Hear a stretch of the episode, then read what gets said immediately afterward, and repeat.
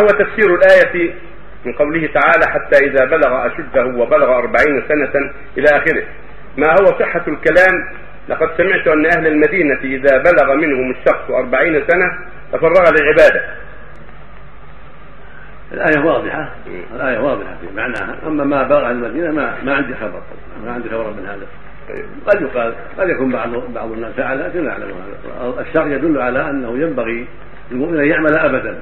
ويجتهد في العبادة ابدا سواء كان من أربعين أو من ستين. والآية لا تخالف ذلك. الآية فيها أنه يشكر الله جل وعلا ويحمده ويثني عليه سبحانه وتعالى نسال الله له الذرية الصالحة وليس فيها أنه يعطل العمل. نعم. آه وجاء دور الاسئله العامه بل فيها العمل وأنا ما أن ترضى فيها العمل.